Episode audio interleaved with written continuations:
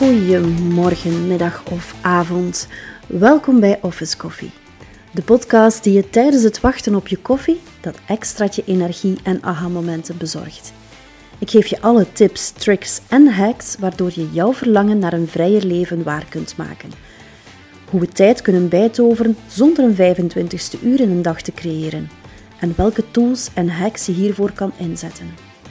Mijn naam is Ilse van The Office Plan. Als online business manager help ik heel wat ondernemers die het gevecht aangaan met hun tijd, hun werk en hun leven, tot ze tot het besef komen dat dit gevecht helemaal niet nodig is. Ik weet dat niet alleen ondernemers deze struggle aangaan, maar dat het voor iedereen elke dag opnieuw een strijd is in de rat race van het leven. Als mama van vier ging ik op zoek naar wat voor mij de juiste balans bracht en ik kwam tot heel wat bevindingen. Wat ik vond is zo goed dat ik deze echt niet voor mezelf wilde houden. Raadseltje. Wat is er genoeg, maar heeft iedereen tekort? Juist, tijd. Ik moet jou niet vertellen hoe belangrijk tijd is. Ook de ondernemers die bij mij terechtkomen en waarvoor ik werk als online business manager, struggelen allemaal met tijd. Maar uiteraard is dat niet alleen bij ondernemers het geval.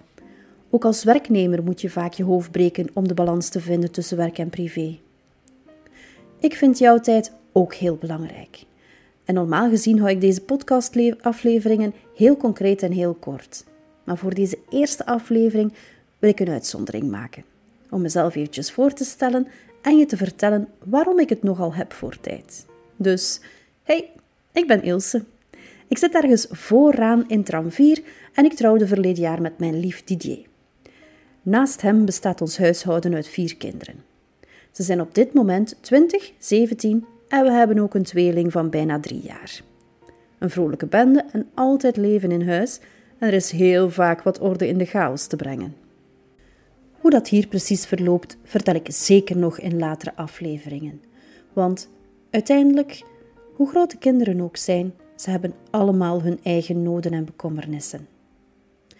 Naast ons druk gezinsleven en een echtgenoot die regelmatig in het buitenland is, hebben we ook onze eigen zaak en ik ben ook nog vrijwilliger in een vereniging en ik help het oudercomité van de school van de jongste kinderen. Tja, dan zitten die dagen toch wel goed vol, hoor ik je denken. Niet helemaal. Ik probeer ook consistent dingen te doen die ik leuk vind. Zo ga ik bijvoorbeeld heel graag lopen en ik lees ook graag. Ik heb ook een hele grote liefde voor theater, muziek en stand-up comedy. Uh, bekijken, niet doen, voor alle duidelijkheid. En uiteraard mogen hier ook etentjes met vrienden nooit ontbreken. Tot voor kort had ik een voltijdse job bij de overheid en werkte ik in bijberoep als zelfstandig online business manager. Je begrijpt intussen waarschijnlijk hoe het komt dat tijd zo belangrijk voor mij is. En nee, het is niet omdat ik overal op tijd ben. Vraag maar aan mijn wederhelft. Ik ben zeker niet Miss Perfect.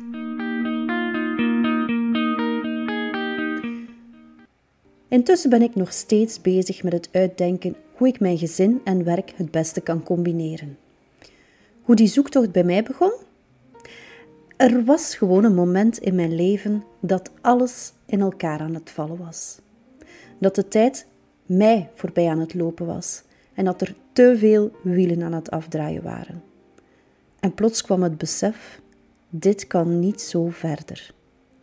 Langs de andere kant laat ons zeggen dat er ook begin 2020 ergens een feit in de geschiedenis was dat ons allemaal deed stilstaan en het knopje naar meer rust deed omdraaien. Tot zover zowat het enige positieve aan de pandemie.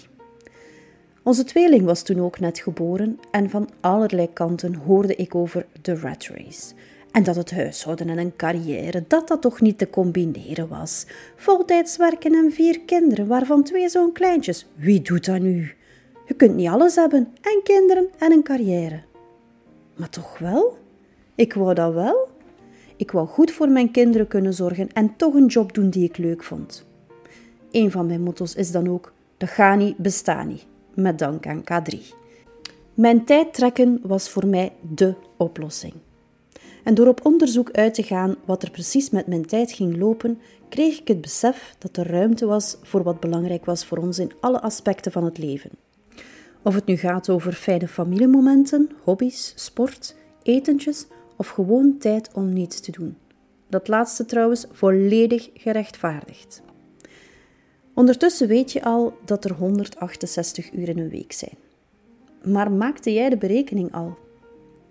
Als je van deze 168 uur 40 uur per week werkt en 8 uur per nacht slaapt, of overdag voor de nachtraven onder ons, dan blijven er nog 72 uren over voor andere dingen. Je mag dan nog 50 uur per week werken. Dan blijven er nog 62 uur over. Die uren zijn voor jou ter beschikking en die kan je inplannen voor wat je wil. Quality time met je familie of met jezelf, of doen waar je echte energie van krijgt. Misschien vraagt het wel wat creativiteit om deze tijd te managen, maar hij is er wel. Ik zeg bewust managen, maar dat heeft een negatieve bijklank natuurlijk. Je kan tijd niet managen. Daarom dat ik het ook liever over tijdoptimalisatie heb. En dat is dan weer een beetje een saai woord. Maar je wil je tijd niet meer opdelen, gewoon beter besteden, zodat je het gevoel hebt dat jij controle hebt over de tijd en de tijd niet over jou. Jij wilt toch ook momenten waarop je geen aandacht aan tijd moet besteden. Je wilt tijdens een etentje met vrienden of een fijne picknick met een vriendin en de kindjes in een speeltuin niet telkens op je klok moeten kijken omdat het moment van plezier bijna om is. Dat zijn de momenten waarop je tijd echt mag vergeten en gewoon genieten. Het gevoel van alles mag en we hebben de tijd is zo belangrijk. Het geeft jou meer ruimte in je hoofd. Je bent creatiever, je hebt meer aandacht voor anderen en wedden dat je daarna ook meer dingen kan doen die jou nog meer energie geven? Maar dat gaat natuurlijk niet vanzelf. Je zal het etentje op een of andere manier wel moeten inplannen. En je zal je vriendin ook moeten bellen om samen naar de speeltuin te gaan met de kindjes. Anders is de kans groot dat je toch alleen op restaurant of in de speeltuin belandt. Je ziet het. Zelf momenten waarop je tijd mag vergeten, hebben enige planning nodig. En dat is nu ook waarom ik tijd zo belangrijk vind. Net omdat het mij vrijheid geeft. Dus laat dat mijn tip voor vandaag zijn. Maak een planning die jou dient en waar jij alle leuke dingen eerst inplant. Je hoeft geen keuze te maken, want met een goede planning kom je al een hele eind verder.